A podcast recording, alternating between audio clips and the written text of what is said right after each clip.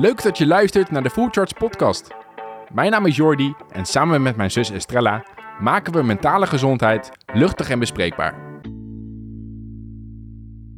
Welkom bij een nieuwe aflevering van de Full podcast. En vandaag zitten we in de studio met Thijs. En, en dan denk je, Thijs, is dat dan alweer Thijs? Nee, dit keer Thijs Lindhout. Vorige keer was het Tijns Lausbach.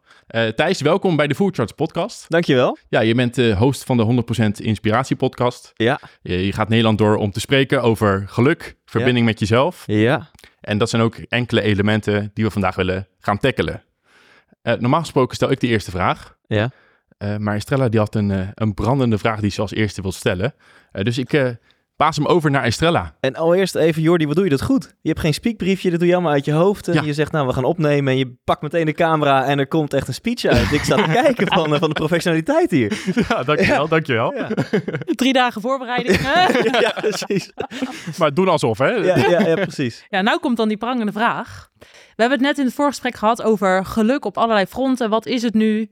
Uh, we hebben heel veel keuzemogelijkheden. Er is van alles mogelijk. En in elk gesprek, bijna elk gesprek wat ik tegenwoordig voer, komt dan een hele grote vraag die ik zo ga filteren. En dat is, nou ja, eigenlijk jouw uh, uh, eerste of tweede titel, van, de titel van jouw tweede show was dat. Hoe de fuck vind ik geluk? Klopt, ja. En toen weet ik ook nog dat jij het podium opkwam en dat je zei: uh, Dit heeft mijn marketingteam bedacht, geloof ik. Zo van: Ik wilde zelf iets doen met verbinding met mezelf. Maar het werd: Hoe de fuck vind ik geluk? Ja. En ik weet nog dat ik naar die show ging. Dat was met een, een beste vriendin, had ik haar cadeau gegeven. Want wij dachten, ja, hoe de fuck vinden wij geluk in dit drukke bestaan? En jij hebt daar een hele zoektocht in gehad. Ja. En ik wil beginnen, en dat is misschien best gelijk een lastige, maar wat is voor jou nou de grootste les geweest Oeh. in jouw avontuur naar geluk? En heb je het gevonden? Om klein te beginnen. Om het, ja. om het even makkelijk uh... te beginnen. uh, ik probeer, probeer ook zo met een meer gevoel antwoord te komen. Maar uit mijn hoofd is het eigenlijk heel makkelijk. Want daar eindig ik mijn eerste show mee, de 100% Inspiratieshow. Uh, wat meteen al een soort van je vraagstelling challenged. Want ik kwam erachter, en mijn eigen vraagstelling ook. Het leven gaat volgens mij helemaal niet om een zoektocht naar geluk. Maar meer om een zoektocht naar de verbinding met jezelf. Um, ja, ik, ik denk waarschijnlijk als je me morgen interviewt of volgende week of gisteren had geïnterviewd, komt weer een ander antwoord uit. Maar op dit moment, als je vraagt naar mijn grootste inzicht, dan gaat het wel wat meer richting de wat spirituele kant. En, en dat het hem veel meer zit in overgave en loslaten. En dat je diep van binnen ben je niks anders dan liefde. En daar zijn allemaal verwarringen en regels en ego in de loop der jaren overheen gekomen. Um, toevallig had ik laatst nou, laat ik meteen een primeurtje. Door de waanzinnig spirituele drugs, echt, echt een wijs spirituele ceremonie, door de drugs genaamd ecstasy, uh, heb ik voor het eerst in mijn leven gedaan. Uh, bizarre ervaring. Ik denk de mooiste avond uit mijn leven. Klinkt dan heel stom door zo'n pilletje, maar ik kon ook echt voelen, ja, maar dit zit in me. Dat pilletje heeft het puur geactiveerd. En ik, ik ben zo in het moment geweest, die avond, dat ik eigenlijk pas de volgende dag me realiseerde hoe erg ik in het moment was. Want het moment dat je namelijk realiseert, goh, ik ben in het moment, ben je het weer aan het labelen met gedachten en ben je eigenlijk al uit het moment. En ik was echt zes uur lang echt volledig het moment, mega speelse Thijs, geen angst, alleen maar liefde en blijheid. Um, dus ik, ik dacht ook, ja, die Eckhart Tolle heeft echt gelijk. Die zegt Ja. in het boek The Power of Now. En ik denk vaak, ja, fuck you met je... eh, ik, ik, in ieder geval, lieve Eckhart, je zegt heel veel wijze dingen. Laat ik mezelf even nuanceren.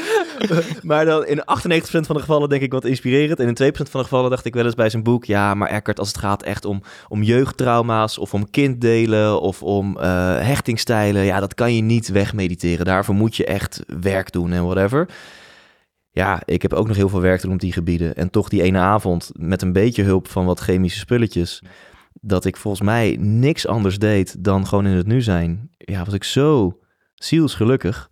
Ja. Uh, en, en kon ik gewoon contact maken met, met wat er is, zonder die, die wolk van, nou ja, met name angsten of misschien trauma's of in elk geval gedachten die altijd gaan over het verleden en over de toekomst. En in het nu nou ja, ik, ik heb dus echt, ik lul nu al heel veel. Maar top, ik heb zo'n spirituele ervaring gehad door ecstasy. Echt veel meer dan met een truffelceremonie. Dus dat was echt fantastisch. Nou, Ja. Dit is meteen echt Ja. een, eh, geen eh, propaganda of zo, maar eh, nou, doe ermee wat je wil. Maar wanneer was dit moment? we hebben het echt letterlijk over twee weken Oh, geleden. serieus? Ja. Oh. Ja. En was de reden ook dat je wilde ontdekken van, oké, hoe... wat brengt dat dan? Of, want je, je experimenteert natuurlijk heel veel op dit Ja. gebied. In de zin van, in jouw show komt dat in ieder geval naar voren. Ja. Van, eh, nou ja, je gaat naar yoga, resorts tot eh, whatever wat, van alles. Ja. Was dit daar ook onderdeel van? van Nee, dit, was, dit kwam op mijn pad. Dus het ik wist die ochtend, die middag nog niet dat ik dit ging doen. Oh ja. En die avond was ik op een festival en het werd me aangeboden. En ik, ik ben er heel lang bang voor geweest. Eh, de angst om controle te verliezen. Maar inmiddels eh, heb ik al wat dingen gedaan in mijn, in mijn show die ik dit najaar weer ga spelen. Ik ga niet verklappen wat, maar heb ik een spirituele ceremonie gedaan waar ik echt jarenlang bang voor was vanwege het verliezen van controle. En of ik dat wel eh, of niet heb gedaan en wat er is gebeurd, dat vertel ik dan in mijn show. Maar Maar door, wel een beetje raden, denk ik. Ja. maar door wat, wat ervaringen durf ik wat meer controle los te laten. Dus sinds een jaartje of drie, niet heel actief, maar heb ik ergens een stemmetje in mijn achterhoofd van... nou, mocht het een keer op mijn pad komen en het voelt goed, dan durf ik wel zo'n pilletje aan. Waarbij heel mijn omgeving, ik ben 35, heel mijn omgeving zegt... jeetje, wat ben jij een laadbloeier, weet je wel? Kom je hier nu pas achter? Maar voor mij was het een, eh, Was het een doorbraak. Maar het was niet Ja. gepland. Het was eh, Nee. het moment kwam het en ik dacht, eh, Ja. voelt goed. Ja, en dus in een festivalsetting ook. Want je hebt natuurlijk ook heel veel dat je echt in een ruimte zit en dat het echt helemaal om de ecstasy gaat. Maar je hebt het dus wel gewoon op een festival met mensen om je heen die Ja. je kent. En Ja. dan, ja, leuk. Ja, er zit zelfs nog een heel romantisch verhaal aan vast. Maar dat, dat komt in een andere podcast, Ja, eh, denk ik ja. wel. Het was, maar het was echt waanzinnig. Ja. Ja. Ja, ja. ja. Maar dan zeg je dus eigenlijk hè, in de kern... Een, een belangrijk inzicht voor jou is vooral toch dat heel erg in het moment zijn. Ja, de, de- ja dus het, het, het mooie, of misschien wat spirituele, of misschien wat zweverige antwoord, liefde. Dat, dat diep van binnen, ja, ervaar je rust, ervaar je vrede, ervaar je liefde. Ehm, en dat dat eigenlijk mijn nieuwste les is, van hoe, hoe kan je daar verbinding mee maken? En Ja. hoe kan je jezelf minder wijs maken dat het afhankelijk is van nou, je werk of, of je huis of je relatie of je gezondheid of waar je dan ook stress over hebt. Eh, en dat zeg ik nu echt vooral tegen mezelf, want ik snap er nog helemaal niks van. Maar ik voel wel van, hé, hey, dit, hier, hier zit waarde. En dit is best wel hard werken. Ehm, maar als je die spier kan trainen om... ehm, nou ja, ik zei vorige week tegen David de Kok, die ik interviewde... kun je die spier trainen om ongeacht de omstandigheden... verbinding te maken met dat stukje vrede of liefde wat in je zit. En toen corrigeerde hij me. Hij zei, nou, dankzij de omstandigheden... Want eigenlijk is, nou nu wordt het echt zweverig, sorry ervoor, maar ik, ik, ik zit helemaal in die flow nu. Eigenlijk is alles dat op je pad komt, of, nou, of het zo is, weet ik niet. Eh, maar het is een hele mooie manier van in het leven staan en veel helpender en motiverender dan een andere mindset. Als je ervan overtuigd bent dat alles op je pad komt, een leraar is van de liefde. Van een BMW-rijder die je afsnijdt, tot aan een relatie die eindigt, tot aan een fuck-up op het werk, of iemand die boos op je is, of eh, zelfs, nou, whatever. Als nou alles op je pad komt, is gewoon een super liefdevolle poging van het universum om jou nog meer te leren over wat liefde is. En als je dan iets wat op je pad komt heel erg voelt als niet liefde, dan komt het dus juist op je pad om jou te herinneren aan dat dat liefde niet is en wat het wel is. Hmm. Ehm, nou, ik zit midden in dit proces en ik deel altijd over waar ik middenin zit. Ja, ja, ja. super. En eh, we gaan straks ook nog wel concreter hebben, denk ik, over werkgeluk en zo. ja. Ehm, ehm, maar, maar ja, dat is op dit moment mijn grootste les in mijn eh, nou, 35 jaar zoektocht naar geluk. En in elk geval de afgelopen 12, 13 jaar echt een hele actieve zoektocht naar, naar geluk. Ja, want ik weet ook wel dat jouw show daar ook heel erg over ging. Van alles zit al in je, liefde Ja. zit in je. Je deed ook altijd zo'n gebaar, dat weet ik nog steeds. Van, het zit in je. ja, het zit nog steeds Ja. in me. Maar dan, Het het zit nog ook in me. Ja. Maar eh, ik, ik kan me voorstellen dat heel veel mensen wel dan het gevoel hebben van... Ja, het, het zit in me. Maar hoe, hoe kom ik daar dan? Of, of wat zit er in me en wat is die liefde dan? En kan je daar iets meer over vertellen? Eh, ja, ik wil dat antwoord ook heel graag weten. en ik denk dat dat een, een, een combinatie is van top-down en bottom-up, om er toch een corporate term eh, in te gooien. Eh, en bottom-up is denk ik dus echt van binnenuit. Dus hoe kan je met meditatie of door, door ademhaaltechnieken ehm, ja, ervoor zorgen dat je, dat je rustiger wordt in jezelf en, en meer, meer liefde en verbinding met jezelf ervaart. Maar ik geloof ook absoluut in top-down. Als jij nu acht uur per dag op een berg in Tibet gaat mediteren, eh, eh, geen relatie hebt, geen kinderen hebt, ja, klinkt misschien een beetje arrogant om daar kritisch op te zijn, maar ik denk dan, ja, dat, dat is volgens mij ook niet helemaal de bedoeling. Dan voel je je misschien verlicht, ook omdat je jezelf in een bepaalde omstandigheid hebt gekregen, dat je niet echt uitgedaagd wordt. Dus ik geloof er zeker in dat je jezelf niet... ehm, ja, als mensen die hoe-vraag willen beantwoorden van ja, Thijs, oké, het zit blijkbaar in me, maar hoe dan? Ik denk, oké, eh, 50% van het antwoord is wel mediteren, ademhalingsoefeningen, lichaamswerk, dat je het gaat voelen in jezelf. En die andere 50% is misschien wat geruststellender. Ga dingen doen, ga dingen ervaren. En het leven is natuurlijk ook gewoon een hele praktische exercitie. als je twijfelt over je baan, ga ergens anders solliciteren. Eh, Zoek een andere baan. Of, of, of eh, ehm, nou, op welk levensgebied je ook, ook twijfelt. Of het nou gaat om hobby's of passies of mensen in je omgeving. eh, kom in actie. Daar geloof ik ook echt heilig in. En dan voel je heel goed van, oh, dit was eigenlijk een stap die helemaal niet werkt. En is een stap die heel goed werkt. Hm. Ehm, voor mij heel praktisch. Dingen als hardlopen, drummen, eh, de sauna bezoeken. Ja, dat zijn voor mij die top-down dingen. Ook gewoon soms onwijs opgaan in, in mijn passie, mijn zingeving. Dus mijn, mijn podcast, mijn theatershows. Ook de ondernemer in mij die het leuk vindt om dat te promoten. En die zaal moet vol en er moeten 600 tickets verkocht worden. Als ik daar de juiste balans in vind, kunnen dat echt top-down dingen zijn. Die me zoveel energie geven dat ik daardoor ja, me lekker in mijn vel voel. En dat versterkt elkaar dan ook. Als ik dan die avond mediteer, kom ik veel dieper. Want ik voelde me eigenlijk al een stukje happier en veiliger in mezelf. Eh, dus ja, ik denk misschien nog steeds abstract, maar een combinatie van, eh, van top-down en bottom-up. Ja, en dat is voor mij ook heel erg herkenbaar. Want eh, vroeger, en dan praat ik over ongeveer zes, zeven jaar geleden, toen dacht ik altijd van, oké, als ik een bepaalde situatie heb bereikt, dan ben ik gelukkig. Als een soort van eindbestemming. Ja, Maar ik ben er door de jaren heen, ben ik er steeds meer achter gekomen dat juist het, het nastreven naar die dingen, dat is het moment waar ik dat geluk ervaar. Dus niet zozeer op het moment dat ik ergens kom, maar het toewerken naar iets. En ja. het andere wat jij ook zegt is, en dat is dus het ene, hè, het toewerken, het nastreven naar iets. En het andere is bewustzijn in het moment. En dat Ja. zijn die twee dingen die voor mij geluk opleveren. Maar dat het nooit een eindbestemming ook zou zijn. En dat je dus constant bewust moet zijn van... Ja. doe ik de juiste dingen die mij goed laten voelen. Een zin die in me opkomt is, eh, dat heb ik ergens een keer geleerd op een eh, spiritueel eh, seminar, there's nothing at the finish. En als je zelf dat maar aanpraat, there's nothing at the finish. Ik kan nu wel echt acht gebieden in mijn leven opnoemen waarbij ik denk, oh, maar als ik daar ben, qua Ja. huis, qua liefde, qua werk, qua eh, whatever, there's nothing at the finish. En als je jezelf dat realiseert en dan in de berusting van het hier en nu kan komen, dan ben je denk ik lekker bezig. Ja. Eigenlijk is het heel simpel. Als je een klein beetje uitzoomt en dus ziet dat jij nog wel, en het klinkt dan heel erg alsof het fout is of zo, iedereen heeft dat, maar als je dan iets uitzoomt en merkt, oh, ik heb inderdaad wel een beetje de mindset van there is something at the finish, er zijn bloemen bij de finish. Als je een beetje uitzoomt en naar die mindset kijkt, ja, dan verklap je ook al wat je mindset gaat zijn als je bij de finish bent. Het is niet zo dat dan ineens je een spirituele shift maakt en dat je dan ineens totaal in het nu bent en geniet van waar je bent. Dus als jouw jouw mindset is, ik wil altijd kijken naar de finish en als dan, ja, die als dan mindset, guess what, die ga je ook hebben als je nu je huidige als dannetjes bereikt hebt en dan heb je nieuwe als dannetjes. Ja. Dus je hoeft niet heel ver te groeien qua bewustzijn of uit te zoomen om naar je eigen mindset te kijken en te denken, hmm, dit is interessant. Ja. Misschien moet ik niet geloven in al die als dan zinnetjes, want die heb ik straks ook.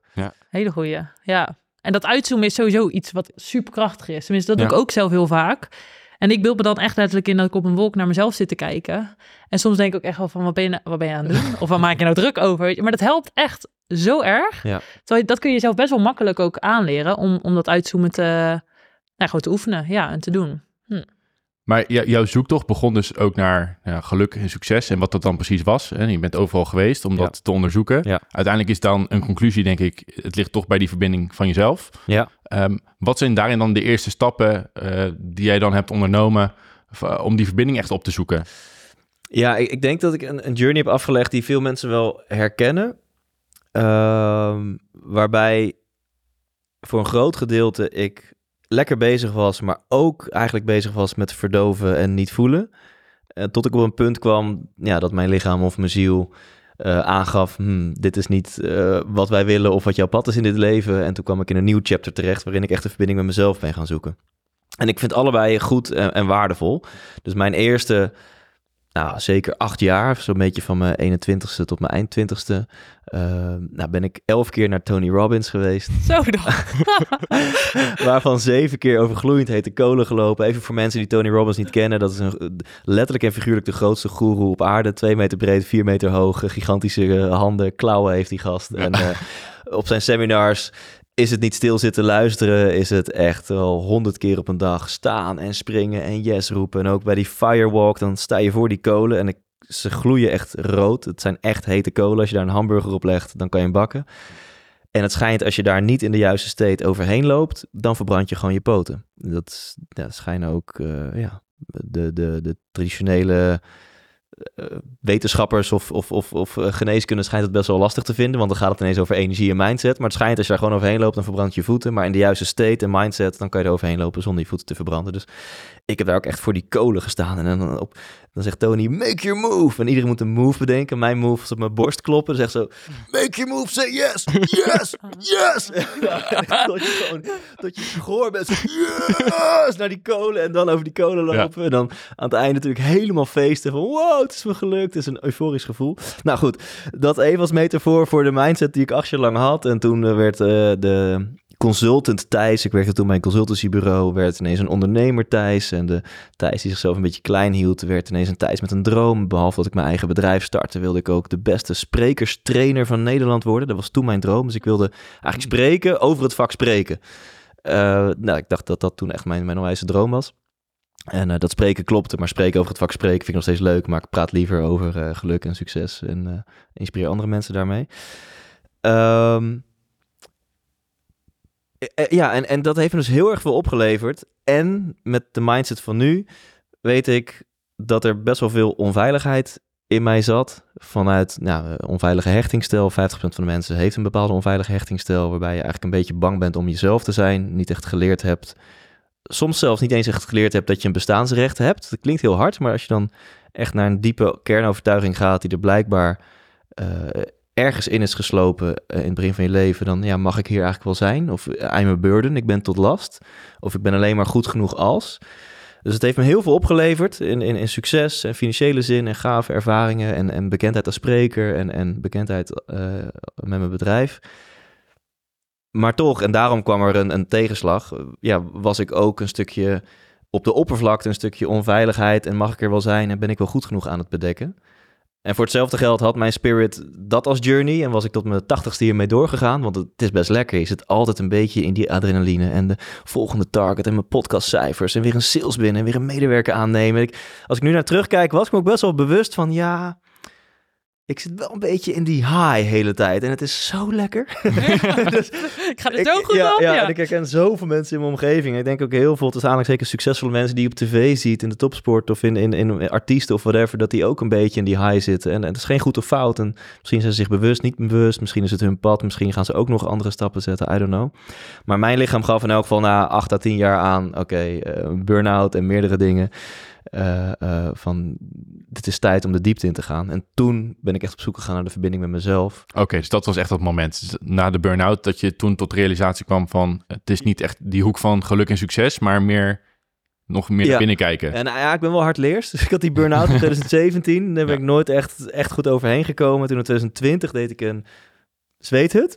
En uh, daarin merkte ik dat ik echt, uh, dat, daar koos ik niet voor bewust. Daarin kwamen dingen naar boven. Een bepaald verdriet of pijn of eenzaamheid, wat blijkbaar al 32 jaar lang in me zat, waar ik nooit contact mee kon maken, dat kwam ineens naar boven.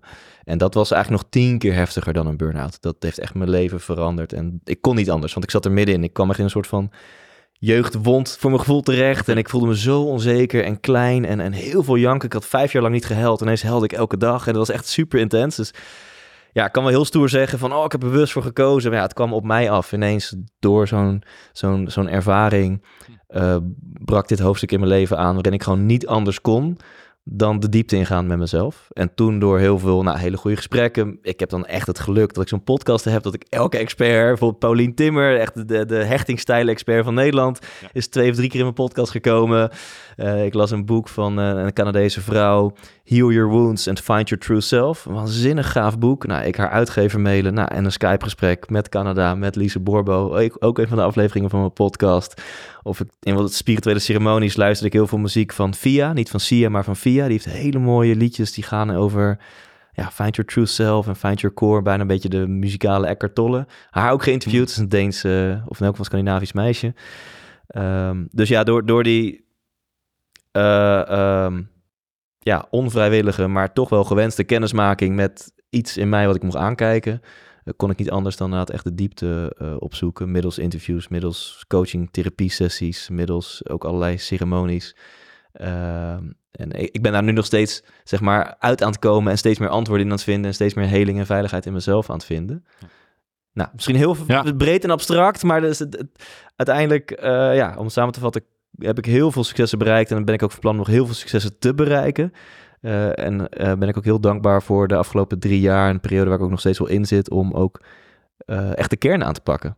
en, en dat heeft denk ik heel erg te maken met mijn eerste antwoord. Als je meer die veiligheid of die ik mag er zijn, ik ben goed genoeg in jezelf kan vinden, dan is het ook veel makkelijker om, nou niet ongeacht, maar door de omstandigheden altijd ook ja, jezelf goed te vinden en het liefste te ervaren. Ja, en je zegt ik heb heel veel successen bereikt en ik ben van plan er nog heel veel te bereiken. Wat, wat is succes dan voor jou? Ha, ja, goede vraag. Toen ik het net zei, eh, zag ik wel, zag ik wel echt uitverkocht theaterspoor. Dus ik, het, het was wel echt een succes in de, in de zakelijke Ja. context. Oké. Ja, maar het, echt succes, eh, dat is denk ik het eerste antwoord wat ik dit eh, gesprek gaf. Eh, dat, je, dat je happy bent met jezelf. Ja, Ja. klinkt zo, ehm, Ja. cliché misschien. Eh, maar ik denk, ja, ook daarin weer twee kanten. Want als je alleen maar, good for you hoor, maar als je alleen maar blij bent met jezelf en je zit nogmaals weer de hele dag te mediteren, dat is helemaal oké. Maar ik denk dat het in de wereld waar wij in leven, dat het veel waardevoller is om en dat te doen en ook je missie en je passie te leven. Dat, dat we toch hier ergens ook op aarde zijn om een bepaalde mate van betekenis te ervaren.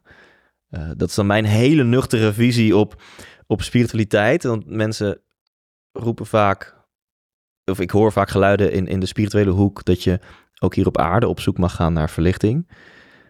Ehm, nou, ik wil nu niet heel zwart-wit overkomen, want ik denk dat het heel waardevol is. Tegelijkertijd denkt ergens de nuchtere Thijs, ja, maar als we al liefde en licht zijn, dus daar komen we vandaan, liefde en licht, daar gaan we weer naartoe. Ja, dan kan één ding niet het doel hier op aarde zijn. En dat is liefde en licht vinden. Want daar komen we al vandaan en daar gaan we al naartoe. Dan moet het doel hier wel iets anders zijn. Dus ik ehm, geloof er dus ook heel erg in. Nou, doe dat. En eh, zoek je zingeving, zoek je purpose. Om dan ook maar weer een werkelijk woord te gebruiken. Ja. Dus in mijn geval toch ook die theaters. Ik, ik, voor mijn gevoel, nou, ik heb ook een, een bedrijf. Daar zit ik echt op dit moment, als ik daar dingen in doe, in mijn zone of competence. Kan ik zo wat over vertellen als we toch een modelletje willen behandelen. Zit ik echt soms misschien wel in mijn zone of incompetence of zone of competence als ik voor een vol theater sta of in mijn eigen podcaststudio zit en ik mag mensen interviewen of verhalen delen over mijn eigen zoektocht, dan zit ik echt minimaal in mijn zone of excellence, maar waarschijnlijk in mijn zone of genius. Eh, dus als we het over succes hebben, denk ik dat ik dat ook echt behoor te doen en dat dat echt past bij 100% Thijs en mijn plaatje van succesvol zijn. Ja, Ja, en wat ik dan... En ik vind, en ventileer het even door van wat ik van andere mensen hoor. Als ik dan zeg van, het, het gaat om dingen najagen, de, de succes en dan die grenzen verleggen, want dat, hè, een zoektocht, eh, altijd bezig zijn. Dan hoor ik ook van andere mensen, maar kan je dan niet gewoon tevreden zijn met wat je hebt? Ja.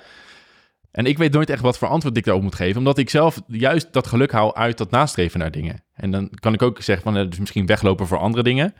Maar juist dat brengt mij dat geluk. En weet ik zelf nooit wat ik moet antwoorden op, ja, kan je niet tevreden zijn met wat je nu dan hebt? En Ja. dan zeg ik, ja, maar dat ben ik wel. Maar als ik dat nu dan heel mijn leven dan zo moet zijn, met alles wat ik dan nu heb, dat is dan niet genoeg voor mij. Hoe, hoe sta jij daarin? Nee, wat in mij opkomt is, alles is in beweging. Dus ook de natuur, je hebt eb en vloed, je hebt dag en nacht, leven en dood. Dus het, het leven gaat in golven. Eh, dus ik denk dat het heel mooi is om tevreden te zijn met wat je nu hebt. Maar er is, je, je- bent altijd weer aan het bewegen naar iets, eh, naar iets nieuws. Dus ik denk dat dat heel gezond en heel natuurlijk is. Dat je ook geniet van waar je naartoe gaat en, en waar je naartoe wil. Ja. Ehm, eh, om dan toch een modelletje in te gooien is ook iets... Ja, Doe het. ik- Dat- Ja, Ja, want even een modelletje. Wat- denk toch ook de onzekere tijd dat ik nog wat waarde heb geleverd. eh. Ehm, The Big Leap. Kennen jullie dat boek? Jullie, ah, jullie weten precies wat ik nu ga vertellen. Ja. Maar nog niet in deze podcast aan de orde geweest. nee. Ik heb niet zo heel veel zelfhulpboeken gelezen. Ik ben meer van mensen interviewen, maar van de 10, 20 die ik heb gelezen, is dit er één die ik echt, eh nou ja, echt binnenstebuiten heb gekeerd. Heel tof boek, The Big Leap van Gay Hendricks. Kan een jongen ook niks aan doen, Gay Hendricks. En eh, op de cover zie je zo'n visje wat van een kleine kom naar een grote kom springt. En hij heeft eigenlijk, eigenlijk over vier zones. En nou, als je dit hoort, zou het interessant kunnen zijn om bij jezelf te checken waar jij zit. Eh, en hij doet het volgens mij heel erg werkgerelateerd, maar je kan het misschien op meerdere gebieden toepassen. En de onderste zone is je zone of incompetence. Dat je werk doet wat je helemaal niet leuk vindt en ook eigenlijk helemaal niet goed in bent. Dus andere mensen kunnen het veel beter dan jij. Nou, niemand wordt daar gelukkig van als je daar zit. Eh, bijvoorbeeld ik als leidinggevende, dat ben ik nu niet, maar dat ben ik wel geweest, zit ik absoluut in mijn zone of incompetence. Ik kan het niet en ik vind het niet leuk. En nou, ben ik misschien een beetje te streng voor mezelf in een bepaalde context, kan ik wel een beetje inspirerend leidinggevende zijn, maar teammanager of zo, dat is eh, absoluut mijn zone of incompetence. Dan heb je je zone of competence. dat is dus werk ja, waar je goed in bent. En volgens mij wat je niet per se leuk hoeft te vinden, maar dat kan ik me even niet meer herinneren van dat boek. Meestal omdat je er wat beter in bent, vind je het al wel wat leuker. En volgens mij de meeste mensen in de beroepsbevolking zitten in een zone of competence. Gewoon een simpel baantje. Ja, zo, uh, zo heeft het pad van het leven. Het is prima zo, ja, zeg maar. Uh, ja. door, door eigenlijk alleen maar, zoals ik, ik zei eigenlijk alleen maar ja tegen ballen die op me afkwamen. Van Thijs, uh, wil je een hbo doen? ja. is dan misschien bedrijfskunde iets voor je? Ja. Oh, wil je een stage doen bij NS? Ja. Oh, wil je iets met milieubeleid? Ja. En ineens was ik 21 en was ik milieuadviseur bij Royal Haskoning DFV. Door gewoon alleen maar ja te zeggen op... En zo iemand anders is ineens tramchauffeur of receptionist of zuster of broeder, whatever, door alleen maar ja te zeggen. Nou, alhoewel, ik mag veel spreken. In zorg en onderwijs vind ik veel meer passie. Want je belandt niet per ongeluk Nee. in de zorg of onderwijs. Je wordt wel per ongeluk consultant, maar je wordt niet per ongeluk, zeg maar, eh, zit je in die branches. Dan heb je je zone of excellence. En dat is waarvan de meeste mensen denken, dit is de Champions League. Ik doe werk waar ik goed in ben en wat ik leuk vind. En het gevaarlijke van de zone of excellence is dat ook je hele omgeving wil je daar hebben. Want daar ben je zo waardevol voor je omgeving. Dus ja, jij bent die goede manager, jij bent die goede consultant. Nee, maar jij bent echt goed om dat team te leiden. Jij bent echt goed. En dan denk je, oh, oh, en je ego vindt het fantastisch. Maar er is nog één leveltje erboven en dat heet je zone of genius. Misschien dat de Oh. Japanners zeggen je ikigai, waar alles Oh ja. samenkomt. Je passie, talent. Ehm, nou, in de ikigai zeggen ze ook toch zelfs geld, dat daar meer geld verdienen is. Maar vooral je zone of genius is echt, ja, niets kan jij beter dan, dan dit. En ehm, nou, voor mij voelt dat heel erg wanneer ik eh, mijn story share voor een vol theater met muziek, inspiratie, met drums. Dan denk ik dat ik in mijn zone of genius eh, Ja. zit. Ja, en ik, ik moet het dan toch vragen. Waarom elf keer Tony Robbins? Is dat dan eh, die jaarlijkse reminder die je nodig hebt? Of dat, dat missende puzzelstukje wat je dan toch probeert te vinden? Nou, ik, ik heb, om het in perspectief te plaatsen, ik heb drie keer Business Mastery gedaan. Dat, dat gaat echt over eh, hoe bouw je een bedrijf. Ik heb één keer Date with Destiny gedaan. Die is legendary. Daar is ook de documentaire I'm Not Your Guru eh, gefilmd. Van Netflix, ja. En ik heb zeven keer eh, Unleash the Power. Zijn jullie wel eens bij Tony Robbins geweest? Nee. Of niet? Nee, ik heb wel Business Mastery heb ik online gevolgd. Oké, maar cool. ik ben er nog nooit live bij geweest. eh. Oké. Nee. nee. Nou, ik heb zeven keer ehm Unleash the Power Within eh, gevolgd. En ook zeven jaren op rij. Dat is een vierdaags event met ook de Firewalk. Dus over code lopen. En nou, ik vind ik vrij goede redenen had om dat te volgen. Want het was eigenlijk mijn jaarlijkse vierdaagse van extreem reflecteren op de afgelopen twaalf maanden. Van wat heb ik gedaan, zakelijk, privé, wat heb ik gevoeld, wat heb ik bereikt, wat heb ik hiervan geleerd. En extreem kijken naar de komende twaalf maanden. Wat wil ik bereiken? Wat wil ik in mijn relatie of in liefde? Of wat wil ik in mijn bedrijven? Eh, wat voor doelen? En ik heb altijd veel te hoge doelen gesteld natuurlijk. Maar, dus het was zeven jaar lang was het gewoon mijn vierdaagse van introspectie, reflecteren en plannen maken voor het komende jaar. Dan kan ik eigenlijk iedereen aanraden om dat op wat voor manier dan ook eh, te doen. En ja, na, ja na, na de derde keer kan je wel meepraten. Want je, hij vertelt elke keer de exactzelfde verhalen. en ik ben zelf natuurlijk ook spreker, dus ik zit ook vanuit die bril te kijken. En met NLP en dat soort dingetjes. En oh, hoe past hij dit toe? Dus eigenlijk ook voor mij als spreker was het heel interessant om elk jaar... omdat ik minder verdween in zijn verhalen, omdat je het al kent. Dus je gaat minder in de hypnose. eh, was het ook interessant om elk jaar te zien van... oh, dit doet die gast. En oh, wat doet hij dit sneaky. En daarom Ja, ja. vertelt hij hier over zijn vervolgproduct. Haha. Business Mastery dan, hè? ja, ja, precies. Ja. Ja. Ja. Dus voor reflectie, ja, goeie. Want dat is ook wel wat wij altijd zeggen van dat eh, de behoefte om te ontwikkelen en constant meer te willen hebben, dat, dat zie je gewoon ook wel heel erg bij de jonge generaties. Want ik hoor heel erg van nou, bepaalde managers die ik spreek, maar ook bijvoorbeeld onze ouders van, moet dat nou altijd, al die doelen, weet je wel zo? Ehm, terwijl ik heel erg geloof in, dat geeft geluk.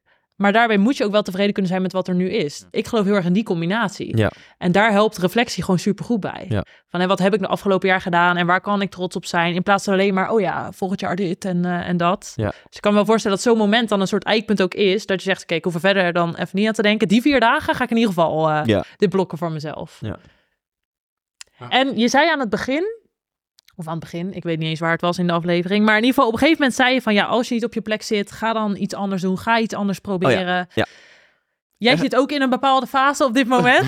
Klopt. Het klinkt altijd heel makkelijk. Van ja, zit je niet op je plek, ga gewoon iets anders doen. Ja.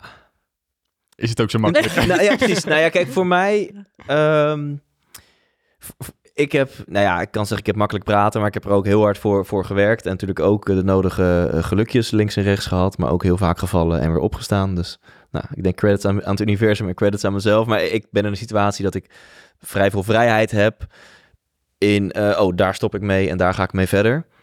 Uh, althans, nog steeds kom je jezelf tegen, want met zo'n keuze ja, gaat altijd gepaard met een bepaald verantwoordelijkheidsgevoel of schuldgevoel of wat vinden anderen hiervan, een teleurstelling en ook een stukje verlating of afscheid. Dus uh, ik heb mezelf wel in de positie gekregen dat, dat ik het gewoon qua middelen kan, zo'n keuze maken. Maar je hebt natuurlijk nog steeds de emoties die erbij komen kijken.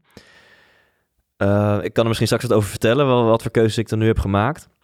Voor mensen die luisteren, ja, ik, dit is wel een stukje praktische persoonlijke ontwikkeling. Dus even los van uh, liefde en licht, waar we het eerder over hebben gehad. Dit is gewoon super praktisch. Ik ben er heilig van overtuigd. Volgens mij komt die bij Tibor Olgers vandaan, deze zin. In beweging vind je antwoorden. En in je kop vind je alleen nog maar meer vragen. En hierin kan ik soms wel een beetje uh, gezond pittig zijn richting mensen. Dat ik denk, ja, oké, maar ga nou eens wat doen dan. En dus wat is dan die volgende stap? Heel vaak denken mensen dat ze van 0 naar 100 moeten gaan. Dus stel je zit nu, of je nou ZZP'er, freelancer, ondernemer, investeerder, whatever, loondienst. Als je nu werk hebt of een baan hebt en je twijfelt of je, of je wil misschien wat anders en je weet het niet zeker.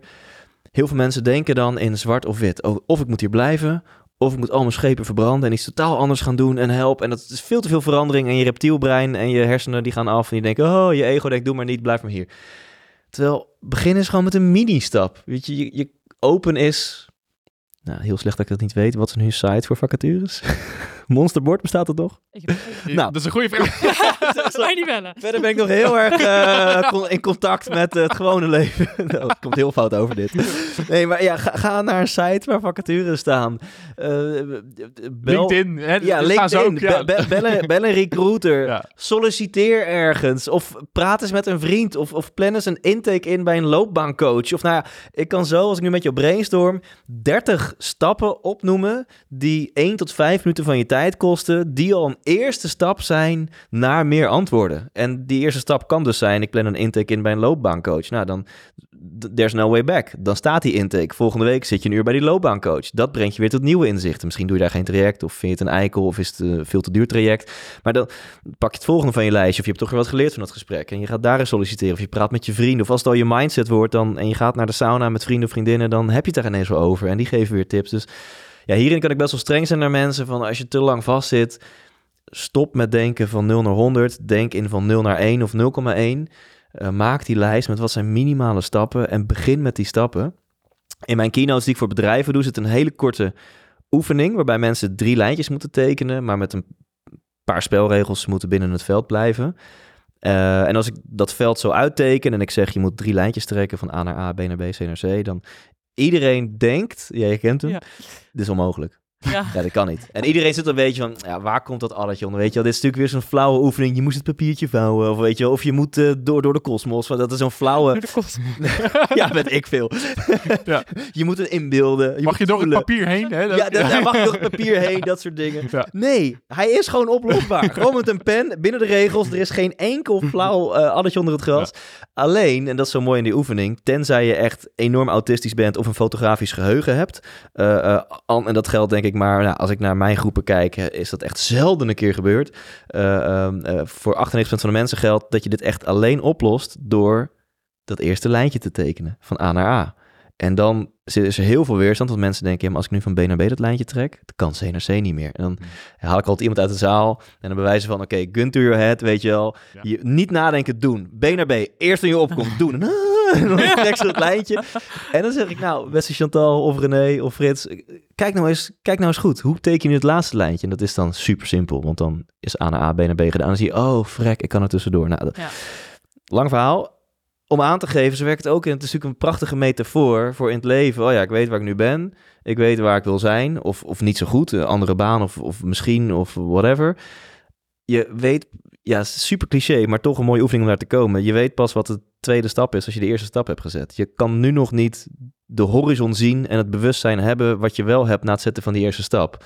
En, en daar geloof ik eh, heilig in. Ja, dat wilde ik ook zeggen. Van, je hoeft niet alle antwoorden te, eh, antwoorden te hebben voordat je die eerste stap kunt zetten. En dat is eh, eigenlijk altijd het eerste in me opkwam Ja. toen je dat ook eh, aanhaalde. Dat is eigenlijk wat het is. Ja. Je, hoeft- je hoeft niet alles te weten. Dat is En een de eerste super goede stap- aanvulling. Want dat is, en hoe slimmer we zijn, hoe erger we dit hebben, in mijn beleving. Dat vinden we het lastigste. Als we nog niet de route weten, gaan we niet in actie komen. Ik moet eerst die route weten. Ja. En dat is dus precies de, de deadlock van je brein. Ja. Je moet dus juist in actie komen, terwijl je totaal geen idee hebt in welke richting en wat de antwoorden zijn. Dus als je, als je die spier kan trainen, dan Ja. ben je lekker bezig. Maar je zei net ook iets in de richting van hoe meer je nadenkt, hoe meer vragen er komen. Ja. Wat ik dan altijd interessant vind, is mensen die tegen een burn-out aan zitten of nou ja, overspannen zijn of wat dan ook. Die worden dan naar huis gestuurd door een psycholoog. Ga eerst maar zes weken uitrusten Mhm. thuis. Maar dan denk ik, oké, dan zit je thuis met jezelf. En je brein die aan het denken is. Vanuit jouw ervaring, toen jij een burn-out had, ja. Kon je daar dan iets mee? Ga maar thuis zitten. Dan Ehm, kom je toch juist ook weer in die, in die gedachtenloop van, eh, nou ja, waar je tegenaan loopt. Ja, goeie. Er zijn natuurlijk zoveel verschillende versies van een burn-out. Ik denk dat heel veel mensen wel echt, echt fysiek en qua prikkels echt moeten bijkomen. Ehm, ik, ik denk dat ik niet het beste voorbeeld ben. Want als ik nu terugkijk, was ik gewoon bezig om van donkerrood weer in donker-oranje te komen. En toen dacht ik, dit voelt als energie. Ik kan weer knallen. Ah, ja, ja oké. ja. En ik, ik denk dat ik van 2017 tot 2020. En in die periode heb ik, eh, nou ja, als je op mijn site kijkt, heb ik allemaal tours gedaan en mijn droom bereikt van een Beatrix Theater uitverkocht. Dus echt gigantische dingen gedaan. Maar eigenlijk in die drie jaar was ik telkens aan het laveren tussen eh, rood, donkerrood, shit, stress en dan weer op de bank hangen tot ik weer in donker of licht oranje kwam. hey, je kan weer en weer naar rood en weer naar oranje en misschien af en toe een keer groen aantikken. Ja, ja, ja. Ehm, dus eh, ja, ik had nog heel erg eh, nog steeds de mindset van, oh, als ik maar een beetje energie heb, dan ga ik weer. Dus ik was nog best wel afhankelijk van die externe bevestiging, externe ja, geruststelling, misschien zelfs waardering, erkenning. Eh, klinkt strenger dan het is, want dan ben ik misschien heel streng voor mezelf. Maar als toch, als ik het psychologisch doorzaag, was dat nog een beetje mijn, mijn drijfveer. Ja. Terwijl ik ook echt wel bijvoorbeeld die theatershows, dat is niet voor niks dat ik het nu ook weer doe. Dus het ligt echt wel ook in lijn met mijn missie. Dus het hoeft het een of het ander niet uit te sluiten. Ehm, dus voor mensen, ja, nee, ik, ik, zou niet, ik denk niet dat er een one size fits all advies is. Ik denk wel als je de emotie van overprikkeld kent, mentaal, emotioneel, fysiek, dat je inderdaad wel eerst moet ontprikkelen, zes weken of zes Ja. maanden. En eh, Ja, Ja, Daar, ja, dat, ja. daar geloof ik ook wel in hoor. Maar soms twijfel ik wel van... Tenminste, ik ken mensen die dan best wel lang ook thuis zitten... en gewoon alleen maar ook dan aan het denken zijn van... ja, maar om weer in actie te komen... moet ik echt weten wat, wat ik dan wil... wat me dan wel gelukkig gaat maken... en waardoor ik dit kan voorkomen. En dan denk ik ook al eens van... maar moet je niet ook zo'n kleine stap... iets gaan proberen... in Ja. plaats van het alleen maar overdenken, weet je wel? Maar Ja. dat, het verschilt natuurlijk wel heel erg per... eh, per ja, zo van de, de- de- zes maanden of zes weken alleen maar op bed liggen is misschien ook, en dan wordt weer de stap heel groot naar iets doen. Van ja, Dat. ja, ik snap het. Kun je dan niet in ieder geval één dag in de week... of een uurtje per dag... iets doen wat je gewoon echt in de kern leuk vindt? Maar Ja. misschien... Hè, ik, ik heb het zelf niet ervaren, Nou, dus ik weet het ook ik niet. denk hoor, dat het een hele mooie uitnodiging is voor de verbinding met jezelf. Dus dat je, je gaat weer naar een soort van nulpunt, eh, om het nou even plat te zeggen, op bed liggen. Ja. En dat je vanuit daar echt probeert te luisteren naar je onderbuik of waar jij het ook in je lichaam voelt. Van, hey, krijg ik hier energie van? Dan is het een cappuccino havermelk. Ga dan nu die cappuccino havermelk maken. Of bestel een koffieapparaat. Als je merkt, en als je ineens merkt, oh, ik wil een wandeling maken. Of, oh, ik heb eigenlijk wel zin om een e-mail te... Dus ik denk dat het een hele mooie fase is waarin je terug gaat naar de, de baseline. En waarin je opnieuw mag gaan leren, of misschien voor het eerst mag gaan leren om contact te maken met dat gevoelsorgaan in jou. Eh, wat, wat, waar wat stof overheen is komen te liggen, maar wat stiekem heel goed aangeeft: Oh, dit vind ik leuk, dat vind ik niet leuk. En natuurlijk is het moeilijk, want soms zijn ook dingen die je ervaart als niet leuk, moet je juist doen, want het is uit je comfortzone en je mag er even doorheen. Dus dat, daar zit ik ook middenin. Ik vind dat super lastig. Van Ja. wanneer voel ik nou spanning, omdat het gewoon mijn lichaam zegt: joh, dit past niet bij je. En wanneer voel ik spanning, omdat het gewoon eh, eh, eng is, maar ik mag er doorheen. Eh, maar ik denk dat het een hele mooie, ja, klinkt misschien heel fout, maar een burn-out of, of overprikkeldheid of overspannen, overwerken, dat een hele mooie uitnodiging is. Nou, alles is een liefdevolle poging Les van het liefde, universum ja. om jou meer te leren wat liefde is. Ja. Hele mooie situatie om opnieuw of voor het eerst te gaan eiken en tunen op, op dat, die sensor. Ja. En dan geloof ik niet dat je zes maanden op bed ligt. Dan eh, denk je, oh, maar ik heb nu zin om die vriendin te bellen. Of ik heb nu, eh, dus ik zou jezelf alle vrijheid geven dat alles mag zijn, voordat je weer gaat denken, oh, maar ja, ik krijg nu zin om mijn vriendin te bellen. Dat heeft niks met werk te maken. Dat mag ik niet doen. Nee, volgens mij moet je juist echt oordeelloos jezelf de vrijheid geven om wat gebeurt er dan met je leven als je, als je die stroming volgt van je Ja. onderbuik. En omdat je nu meer die verbinding met jezelf hebt opgezocht, maar dat het nog steeds natuurlijk altijd door blijft gaan, zijn er dan nu bepaalde grote keuzes in je leven, eh, doordat je zelf meer weet over jezelf, die ervoor zorgen, ja, dit zijn dingen die ik niet meer wil doen, dit zijn dingen die ik juist wel wil doen? Ehm, ja, die vind ik spannend om te delen, maar laat ik die maar delen. Het grotere thema wat, wat zich bij mij aandiende, dat, dat is dat ik verlating aan mag kijken. Dat klinkt dan misschien heel zwaar. Nou, is het eigenlijk ook. Dus in Ja. mijn eigen jeugd en pad kennende en ook hoe ik altijd in relaties heb gestaan, zie ik wel in van, oh ja, dat, dat is echt een grote wond bij mij, de, dat stuk verlating. En toen merkte ik, oh, eigenlijk zowel zakelijk als privé heb ik er een handje van om dingen niet helemaal af te ronden. En om een intens voorbeeld te geven, mijn moeder is drie jaar geleden overleden. Ook dat kwam naar boven. Ik denk, ja, dat, ik heb zoveel emoties en stress nog op de oppervlakte ervaren. Of misschien toch weer die habit om het niet helemaal aan te willen of durven kijken. Dat ik, het is nu alweer drie jaar geleden, heb ik daar echt goed om gerouwd? Heb ik dat echt een plek gegeven? Of hou ik haar nog een beetje aan een soort van ballonnetje vast? Ehm, dus ik, ik had dat inzicht van ik mag verlating aan gaan kijken. En dat is dan wel weer de, de, de, de in positieve zin de terror, persoonlijke ontwikkeling Thijs. Ik had meteen een lijstje van vijf dingen. ja, tuurlijk. Dat bedrijf, die stichting, die ex, en dat. Zo. Dat- Wacht, het zitten allemaal nog losse eindjes. Die gaan we Die afwerken. hebt teruggehaald. Ja, Die ja, met olifanten stappen door je emotionele voortuin heen. Nou, ik in een paniekaanval. dus, eh, maar er kwam wel, eh, en dat, dat is echt super vers, maar dat, dat, uit dat, dat ik echt uit mijn, uit mijn wil stappen. Dat ik daar, daar, daar heb ik een minimale rol. Eh, ik heb dat echt eh, mijn droom gecreëerd, dat ik me volledig kan richten op mijn andere activiteiten. Maar toch merkte ik, eh, ik denk iets wat ik misschien al maanden geleden had gevoeld als ik in contact kwam met die sensor. Dus het zat er denk ik al die tijd al, maar ik had nu door bepaalde ontwikkelingen in mijn leven of in mijn bewustzijn ineens de helderheid om contact te maken met het gevoel van ja, oké, het gaat ook echt wel gepaard met heel veel pijn en verdriet. Eh, ik heb hier twaalf jaar aan gewerkt en mijn verantwoordelijkheidsgevoel richt- richting het team. Maar als ik kies voor mezelf en trouw ben aan mezelf, ja, dan, dan, dan is het wel klaar eigenlijk voor mij. Dan word ik hier nu niet meer gelukkig van. En dat zat er denk ik al heel lang. En eh, voor sommige mensen, die kunnen misschien tot een conclusie komen voor iets wat er al tien jaar zit. Maar dat je ineens nu pas ja, op, het, op het punt komt in je leven, waardoor je bewust of onbewust wel contact kan maken met dat gevoel. Nou, bij mij was dat eh, eh, dit. Dus dit is echt super vers. Eh, als deze aflevering online komt, dan is ergens hieromheen een keer een, een iets van afscheidsactiviteit van mij waarschijnlijk. Ehm, ja, dus door meer in verbinding met mezelf te komen, kwam ik, kwam ik onder andere op, op zo'n keuze. En het voelde ook wel, klinkt misschien een beetje gek, maar het voelde heel volwassen. Dus ik voelde echt zo de, de pijn en de rouw. Ik denk, oh, maar dat wil ik dus nooit aankijken, want dat is die verlating. Want, want een keuze maken of ergens, ergens afscheid van nemen of iets afronden, komt ook altijd met, met pijn en rouw en verlies. En die voelde ik al meteen toen ik die keuze in mijn hoofd had gemaakt van oeh, maar, maar dit is goed. Deze mag ik eens aankijken, want dit hoort bij het afronden, dit voelen.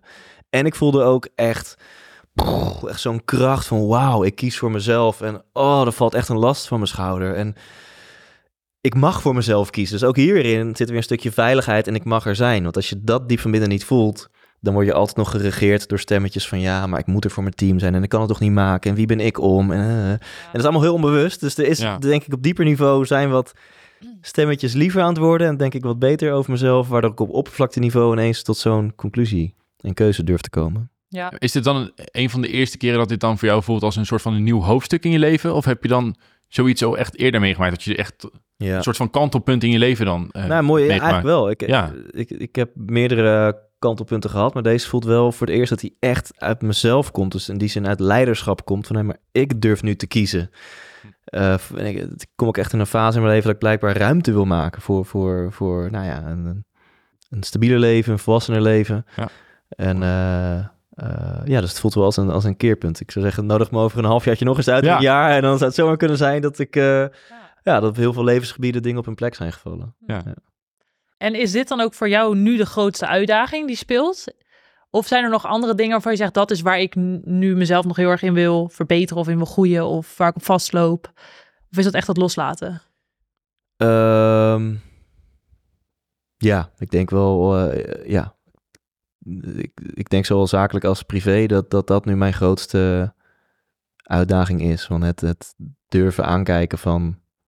Van loslaten. En dan heeft een inspirerend coach ooit tegen mij gezegd, eh, loslaten is toelaten. Want je kan dingen eigenlijk niet loslaten. Dus de paradox is juist door het, door het toe te laten, eh, wat ik eigenlijk net al zei, dat stukje rouw, verdriet, verlies, door dat juist aan te durven kijken en toe te laten, stroomt het door je heen en laat het ook weer jou los. Nou, klinkt dan weer heel vaag misschien, maar eh, Ja, dat... eh, ik snap ja. hem, Ja, ja. dat denk ik ook. Ja. Ja. Maar als Mooi. dit dan nu zo'n grote uitdaging is, ik denk dat, dat dat misschien wel bekend is voor meer mensen die voelen van dit is het niet, maar dan die keuze niet durven maken. Jij maakt de keuze wel al. Ja. Maar wat doe jij dan op dit moment hè, dat dit een uitdaging voor jou is, om toch te zorgen dat je eigenlijk die angst of uitdaging aan gaat kijken? Ehm, ja, het eerste in me opkomt is het, het, kwam ook, het kwam ook naar me toe, zeg maar. Dus ik, nou ja, dan is het verhaal weer rond. Ik zat in mijn ecstasy dip. Die hoort er ook bij. Daar hebben we het nog niet over gehad eigenlijk. Ehm, en ik dacht eerst van, nou, misschien ga ik hem niet krijgen, want ik heb zoveel liefde gevoeld. En ook de dag daarna nog. Ik denk, mijn lichaam maakt zoveel serotonine aan, weet je wel. Dit is echt through the roof. ja. Maar nee, toch. ehm, ik had op zondagavond gedaan, dus ik zou dan eh, volgens de statistieken op woensdagochtend eh, een dipje moeten hebben. Nou, ik had hem op dinsdagavond en woensdagavond. Oh. Eh, en, en dan heb ik er toch weer iets waardevols van gemaakt. Want ik kon wel echt een bepaalde diepte en leegte in de put voelen. En toen kwam dat stemmetje of dat inzicht van je mag verlating aan gaan kijken.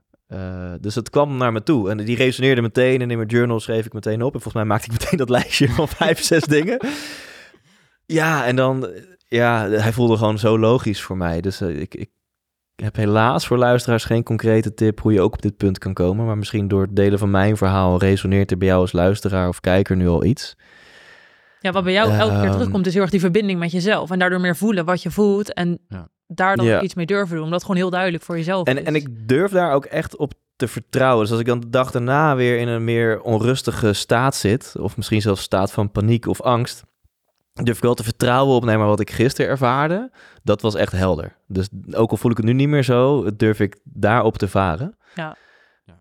Ehm, ja. en ook dat is een proces. Ik, ik ben ook eh, eh, oprichter en, en nog heel actief in een stichting die events organiseert. En die stond op mijn lijstje. Ik dacht, oh, daar moet ik helemaal mee stoppen.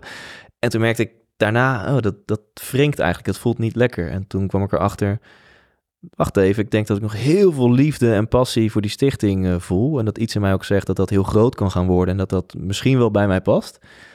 Maar waar ik stress van krijg is de verantwoordelijkheid die het me geeft. Dus hoe kan ik betrokken blijven bij die stichting zonder dat ik het gevoel heb dat ik het moet dragen en dat ik verantwoordelijk ben voor de tickets die we verkopen. We organiseren events onder andere.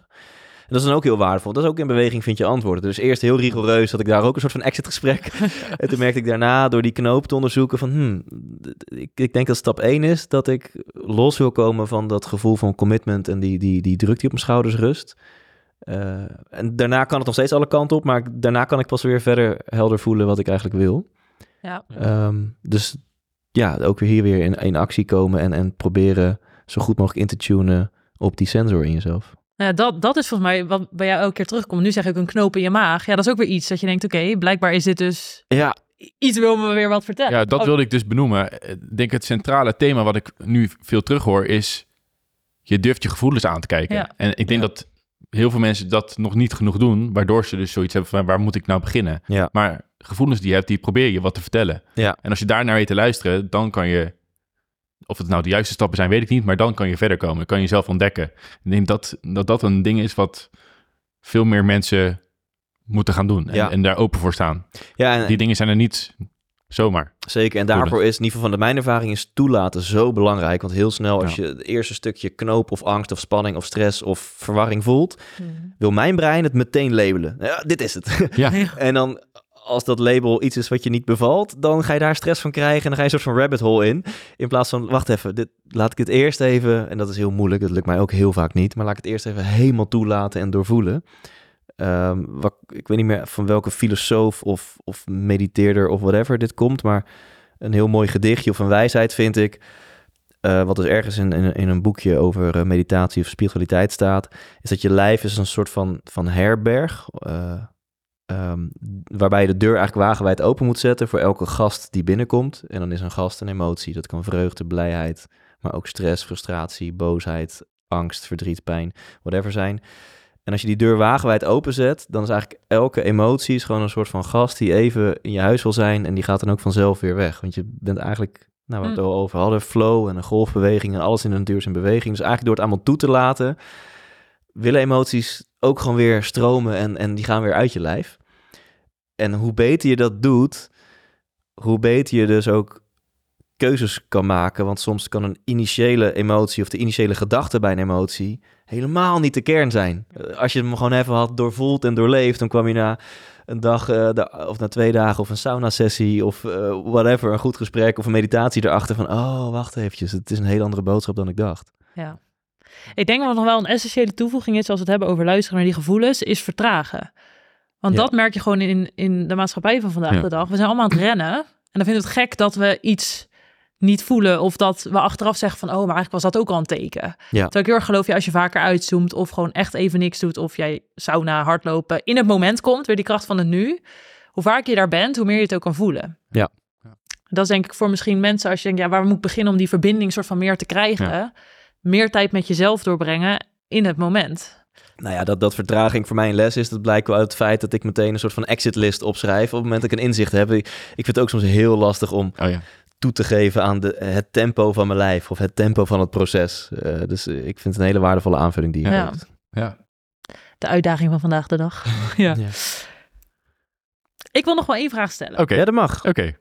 Jij hebt eh, veel gesprekken gevoerd, veel mensen gesproken. En waar ik heel erg benieuwd naar ben, is wat is nou jou het meest bijgebleven van iets wat, wat ooit tegen jou is gezegd? Om ook weer klein af te sluiten. Nee, precies. Om gewoon even die laadjes over te trekken. Ja, Neem ja. je tijd. Nee, zeker. Ja, want ik heb, ik heb ruim 270 afleveringen online staan. En waarvan zo'n 250 interviews.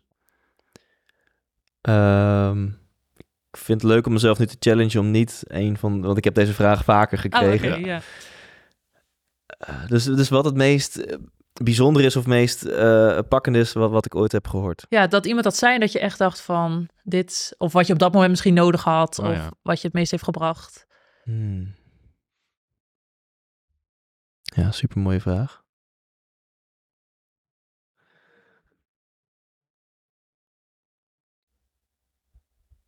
Het lukt me nu niet om er één, eh, er één eh, uit te kiezen. Een aantal. ehm, nou, laat ik iets, iets uitzoomen dat, dat ik. Toen ik die podcast eh, startte, en misschien kom ik al praten en ineens op een super inspirerend antwoord, was ik heel erg gefascineerd door succes, zoals jij dat ook net naar mij, eh, aan, aan mij vroeg. En dan was mijn beeld van succes vrij oppervlakkig. Dat je miljonair bent, dat je eh, een astronaut bent, of Formule 1 coureur, of dat je een eh, nummer 1 hit hebt gescoord. eh, of dat je beroemd bent. En ik had dan wel de veronderstelling, nou, als je dat dan wel doet met je passie en daar heel succesvol mee wordt, dat is succes.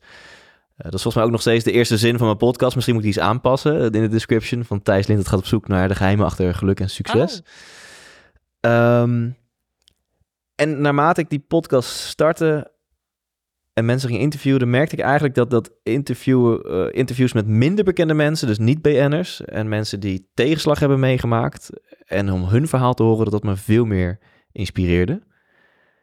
Ehm, ja, dus ik, wat, dat komt nu me op. Dus ik, ik denk dat een groot inzicht van mij was dat het, dat het ja, misschien nog wel veel meer gaat om, om je binnenwereld dan je buitenwereld. Oké, ik ga dan toch één concrete zin noemen. Het was een, een, een, een rouwexpert. Dus een kleine sneak peek naar mijn eh, show dit najaar. Daar vertel ik ook over. Manu Kersen, een rouwexpert die ik interviewde. Een hele oude, wijze man. En, eh, of nou, heel oud. Hij is denk ik wel iets, iets, iets in de zeventig. Dus wel de wat oudere gasten die ik heb gehad. En die, ehm, ja, ik, ik was echt twee, drie keer in dat interview tranen uit mijn, uit mijn ogen aan het vegen. En hij zei heel mooi over, nou, als je nu luistert of kijkt en een dierbare is eh, heen gegaan, dan eh, resoneert het misschien bij je. Hij zei heel mooi, want we hadden het een beetje over, ja, dan is iemand er niet meer en daar rouw je om en dan met kerst is die persoon er niet. En hij wilde dat eigenlijk reframen, zo van die persoon is er gewoon nog. En hij zei, wat is sterven anders dan overgaan van deze fysieke wereld naar de harten van je dierbaren? En die... ehm, Ja, die gaat al diep. eh, Ja, punt. Ja. ik zou nog wat aan vastplakken, maar ik denk, nee, die is Ja. wel mooi. Zo, Ja. ja. En zo sluiten we de podcast af. Licht en liefde, ja. Daar gaan we allemaal weer naartoe. ja, ja, ja, ja eh, het was natuurlijk als een grap, maar ik denk wel dat eh, dit is wel het einde van de podcast Ja, met, ja. met de- met deze zin. Ehm, waar mooi. kunnen mensen jou nu vinden? Eh 100% Inspiratiepodcast, neem ik aan. Ja, dus check op iTunes, Spotify, YouTube de 100% Inspiratie podcast in een kerstverse nieuwe studio. Dus het is nu ook het waard om te kijken. En op thijslindhout.nl kan je tickets bestellen voor dit najaar. Ik ga vier shows doen. 1 november in ehm, Zoetermeer. 13 november in Amstelveen. 14 november in Waalwijk. En 15 november in Nieuwegein. Eh 100% Jij heet dat theaterprogramma. En ik vertel daar over mijn eh, hopeloze en soms succesvolle zoektocht naar de verbinding met mezelf. En we doen oefeningen, muziek en inspiratie en dat soort dingen. Dus je ontdekt vooral veel over ja, je eigen zoektocht naar wie is 100% Estrella, 100% Jordi. Dus eh, als je dat wilt checken, check dan thijslindhout.nl.